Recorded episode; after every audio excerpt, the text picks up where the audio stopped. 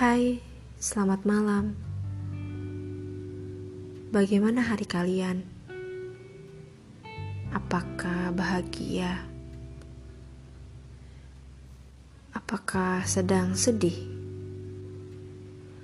Apa semuanya baik-baik saja? Tetap semangat ya, dan jangan menyerah.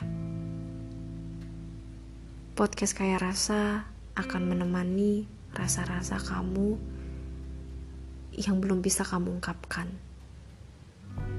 Dan juga rasa kalian yang terpendam. Aku Triska dari podcast Kaya Rasa. Rasa yang kaya selalu bersama rasa yang ada. Dan di episode malam ini aku bakalan membahas tentang sebuah pengalaman atau kisah yang mana ini tuh relate banget sama kehidupan. Dan aku tuh pengen sharing ini udah lama sih maksudnya dari minggu kemarin. Cuman aku tahan buat episode minggu ini gitu. Dan episode minggu ini malam ini aku bakalan membahas tentang toxic friend. Ini adalah pembahasan yang menurut aku seru banget untuk dibahas setelah toxic relationship. Sebelum kita jauh ke pembahasan toxic friend, aku bakalan nanya dulu ke kalian. Kalian pernah gak sih ada di suatu lingkaran pertemanan yang toksik? Mungkin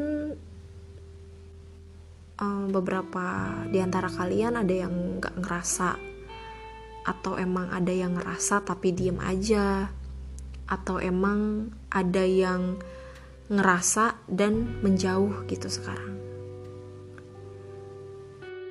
Untuk yang nggak tahu kalian itu lagi di lingkup pertemanan toksik atau enggak sebenarnya toxic friend itu tanpa kita belajar juga itu udah kerasa gitu loh sama diri kita gitu kan bisa kita rasain sendirilah gitu.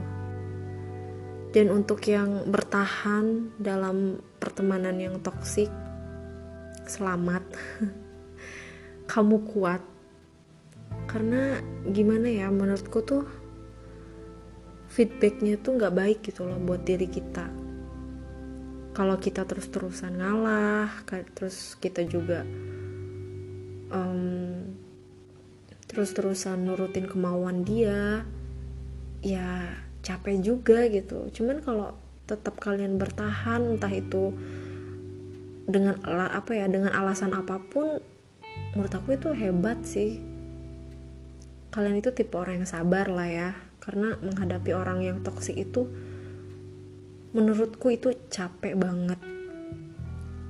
Dan untuk yang ninggalin gitu ninggalin lingkup toksik ya nggak ada salahnya juga sih. Itu kan balik lagi ke pribadi masing-masing. Karena ya mungkin ngerasa gerah ngerasa capek jadi ya mungkin mundur gitu kan. Aku membahas tentang toxic friend ini sebenarnya apa ya ini tuh suatu pengalaman teman-teman aku. Dan aku pribadi juga. Dan pengen banget nih sharing ke kalian. Jadi aku nyari pendapat ke teman-temanku nanya-nanya. Mereka tuh punya punya nggak sih gitu. Lingkup pertemanan yang toksik dan sebagian ada yang mengatakan bahwa nggak ada.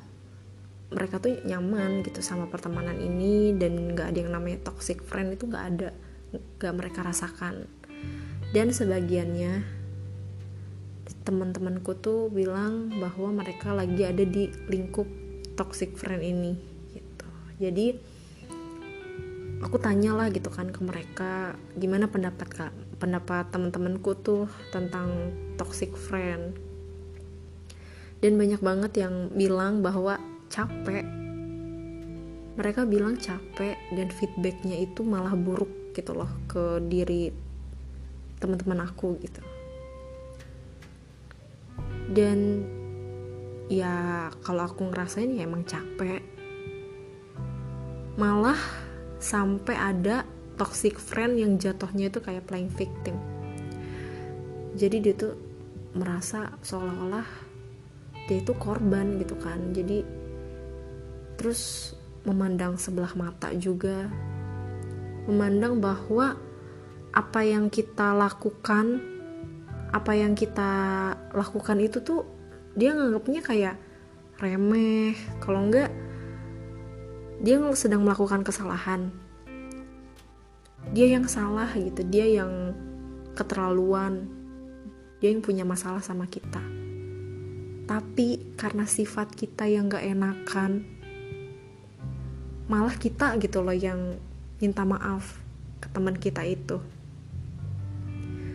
Dan setelah kita minta maaf pasti kan kita minta ini kan pendapat gitu. Maksudnya minta uh, kenapa sih gitu? Kok kayak gitu keterlaluan? Jadi pas tahu pendapat dia kayak gitu seolah-olah dia itu adalah korban gitu loh. Seolah-olah dia adalah apa ya uh, mencari pembenaran bahwa dia itu segalanya gitu loh. Maksudnya segalanya tuh kayak kayak misalkan gue tuh udah deket banget gitu sama lo tapi kok lo kayak gitu sih ke gue? Kayak gitu aja diambil hati. Kayak gitu contohnya. Terus ya kita kan mikir maksudnya kok dia yang ngomong kayak gitu gitu kan? Harusnya dia yang dia merasakan gak sih gitu kalau kita tuh lagi marah kita tuh lagi capek gitu sama sifat dia sama sikap dia gitu. Tapi pas kita yang berbaik hati gitu maksudnya minta maaf duluan tapi dia yang seolah-olah dia adalah korbannya gitu. Sumpah aku tuh kayak kalau misalnya aku di posisi itu aku kayak capek aja gitu pengen ninggalin orang yang kayak gitu karena ya feedbacknya nggak baik juga gitu loh ke diri kita gitu kan dan ada juga toxic friend yang dia menghindar dari suatu masalah. Jadi kita contohinnya itu si orang baik sama si toxic friend ini. Nah, si orang baik ini dia ini selalu uh, ngechat via WhatsApp kayak gitu, nanyain kabarnya, nanyain ke mana aja kayak gitu. Tapi si toxic friend ini tuh kayak merasa dia itu punya salah gitu loh sama si orang baik ini. Jadi menghindar menghindar dan menghindar. Ya namanya orang baik ya. Dia ngerasa salah dia tuh di mana gitu. Kok dia menghindar sih ya emang juga ada perlu lah si orang baik ini ke si toxic gitu kan. Karena misalkan perlunya itu salah satu contohnya dia ini lagi pinjam suatu barang gitu kan. Si toxic friendnya ini tuh lagi pinjam suatu barang nah barang ini tuh milik si orang baik ini gitu. Ya si si orang baik ini tuh inilah maksudnya minta gitu minta barang itu dikembalikan karena dia juga sedang butuh. Tapi si toxic friend ini malah menghindar gitu loh bukan dibicarakan baik-baik gitu. Jadi dia tuh kalau misalkan sedang ber uh, sedang berkumpul sama teman-teman yang lainnya gitu ya dia ada main aja. Tapi kalau misalkan bagian uh, ada si orang baik ini dia tuh malah menghindar gitu malah pergi. Ya si orang baik ini tuh nggak tahu maksudnya salah dia tuh di mana. Dia cuma minta ini kok gitu minta apa barang dia gitu untuk dikembalikan tapi kenapa dia menghindar gitu kan. Sampai suatu ketika si orang baik ini tuh ngerasa capek gitu capeknya itu ya kalau ditagihin terus-terusan takutnya kan dosa juga kan ke si orang baiknya. Tagihin um, barang itu gitu. Jadi akhirnya ya udahlah gimana si toxic itu aja kayak gitu. Dan si orang baik ini tuh orangnya welcome gitu. Dia tuh kalau misalkan dia mungkin si toxic friendnya mau menjelaskan gitu kenapa kejadian ini bisa terjadi gitu kenapa menghindar. Ya pasti si orang baik ini tuh bisa memaafkan gitu. Kayak gitu. Dan ada juga toxic friend yang dalam lingkup pertemanannya itu udah lama gitu. Kita bahasnya si orang baik sama si toxic friend gitu kan biar enak lah ya. Jadi si toxic friend sama si orang baik ini tuh lingkup pertamanya udah lama gitu. Udah lama banget. Sampai suatu ketika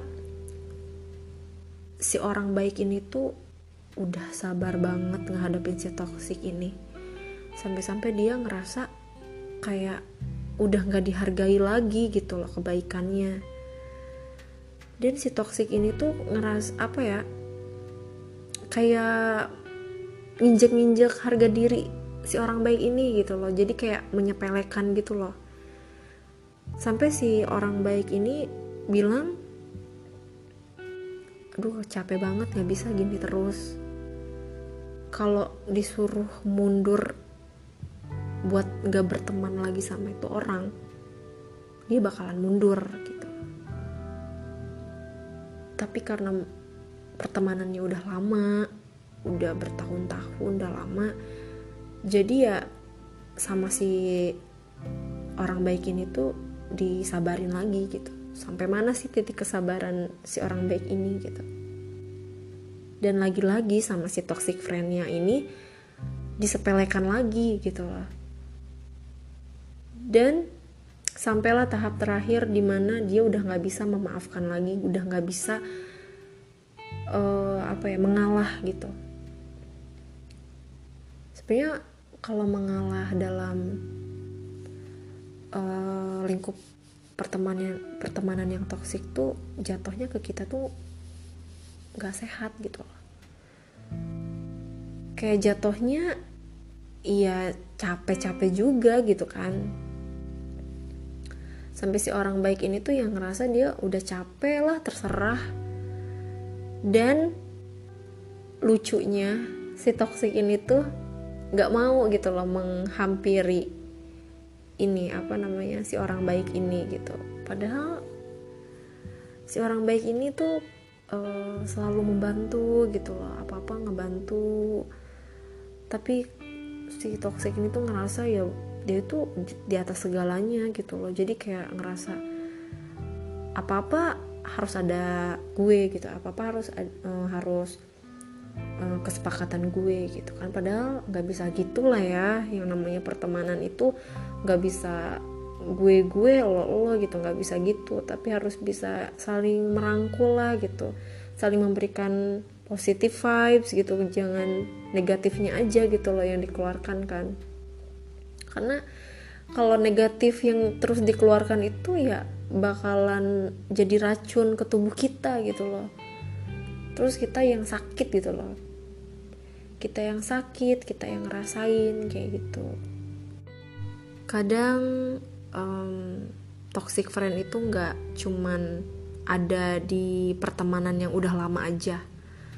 Kadang ada juga yang kayak orang baru gitu ya orang baru kita kenal kita berteman dan dia toxic gitu.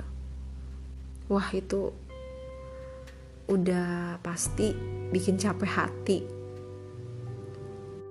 menurut pandangan aku orang yang toxic friend itu sebenarnya dia itu pengen diakui gitu. Pengen di uh, sayangi lah istilahnya kayak gitu. Pengen di ngertiin lah kayak gitu. Mungkin juga dia gak punya banyak teman gitu. Terus dia temanannya sama kita gitu masuk di dalam kehidupan kita. Terus ngerasa kitanya itu gak enakan gitu orang orangnya gitu.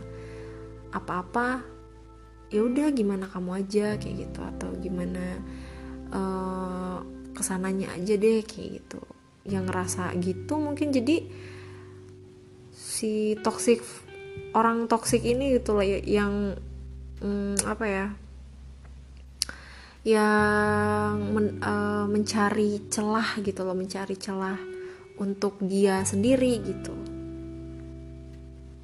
menurut aku sih kayak gitu gitu. Dia tuh kayak butuh pengakuan gitu. Dia tuh kayak mencari perhatian kayak gitu dari kita gitu kan.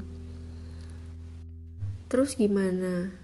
Kita masih pengen berteman sama si toksik itu. Terus gimana cara merubah dia gitu? Menurut aku ya merubah seseorang itu sulit kalau dianya nggak mau berubah kalau bisa sih kalian bicarain lah baik-baik ke teman kalian itu biar nggak toksik lagi. Misalkan ya namanya sebuah pertemanan kan saling membutuhkan. Saling apa ya memberikan dampak yang positif lah gitu. Jangan negatif terus gitu kan. Ya capek juga gitu. Lebih baik dibicarakan baik-baik gitu. Kalau misalkan nih ada yang udah dibicarain baik-baik tapi dia tetap aja kayak gitu. Terus kalian ngerasa kok gini-gini aja? Lebih baik tinggalin aja. Karena nggak sehat juga gitu buat diri kalian. Kita hidup itu harus ada jedanya juga gitu loh sama halnya pertemanan gitu. Harus ada jedanya juga. Kita pengen ngerasain damai sejahtera gitu kan mungkin pasti ada gitu loh. Bukan mungkin bukan mungkin lagi tapi pasti ada gitu yang kayak gitu. Pengen memutus pertemanan itu pertemanan yang toksik itu. Menurut aku lebih baik uh, pelan-pelan menghindar pelan-pelan menghindar. Sampai suatu ketika titik di mana dia merasa bahwa dia ini nggak ada lagi gitu loh temen yang sebaik kalian gitu. Pasti ada penyesalan itu pasti ada. Sekalinya orang yang toksik itu pasti ada penyesalan. Karena balik lagi orang yang toksik itu dia itu apa ya pengen uh, membuat dirinya itu di atas langit gitu. Kayak membuat dirinya itu segalanya dibutuhkan gitu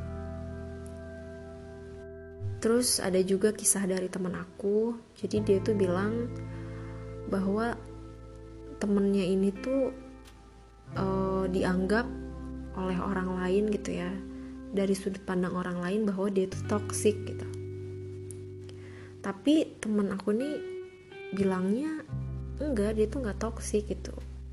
Dia tuh cuman punya sifat yang pengen apa-apa uh, dia dulu. Jadi sifat yang gak mau kalah gitu. Ya sih menurut aku itu lebih ke baper aja sih. Lebih ke bawa perasaan.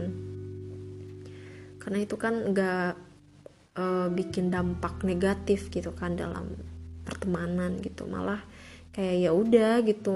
Maksudnya menurut dia mungkin pertemanan adalah sebuah kompetisi gitu kan.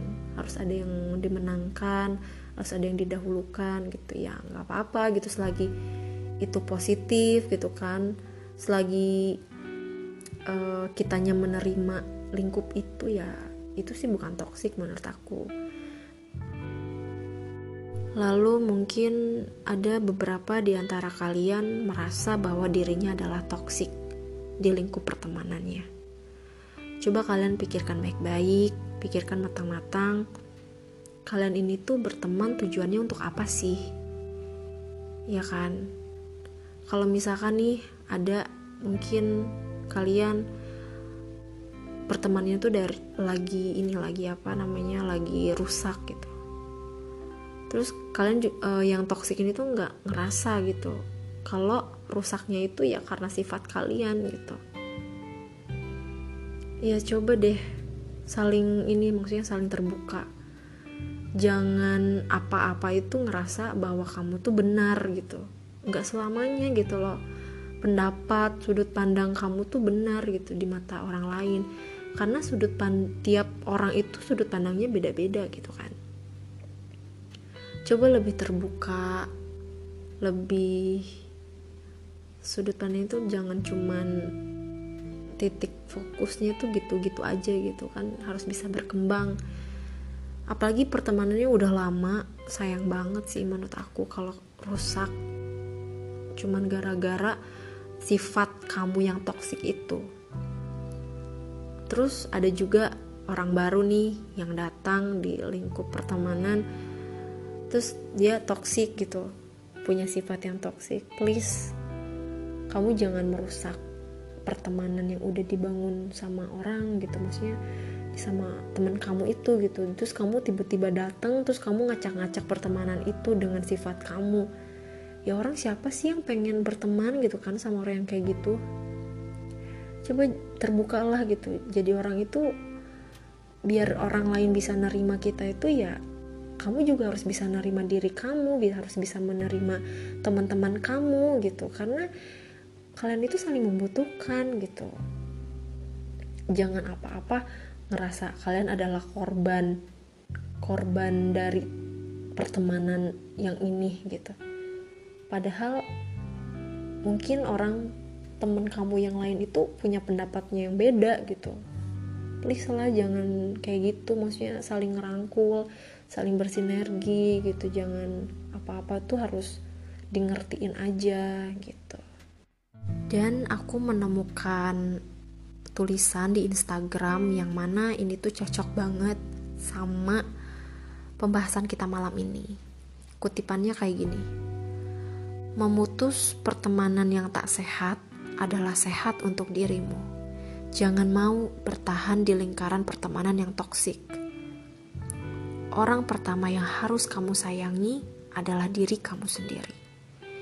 Yourself should be your first priority. Egois? Not at all. It means you're taking care of yourself. Nah, pembahasan tentang toxic friend ini kayaknya cukup sampai di sini aja karena udah lumayan panjang juga so misalkan nih kalian pengen berbagi rasa pengen berbagi kisah kalian itu kalian bisa DM aku di Instagram itu ada di bionya podcast kayak rasa kalian bisa cek di situ dan kalian bisa meluapkan rasa kalian isi hati kalian yang mana mungkin nanti aku bisa bahas pengalaman-pengalaman kalian itu, kisah-kisah kalian di podcast aku selanjutnya. Mungkin juga ada yang mau bahas tentang toxic friend juga, gak apa-apa, aku masih bisa menampung. Mungkin juga nanti aku bisa membuat toxic friend yang kedua, sesi keduanya gitu, biar kita uh, sama-sama lah gitu, uh, biar seru bareng gitu kan, bercerita bareng di sini. Oke semuanya, Terima kasih yang sudah mendengarkan podcast Kaya Rasa malam ini. Aku Triska dari podcast Kaya Rasa. Rasa yang kaya selalu bersama rasa yang ada.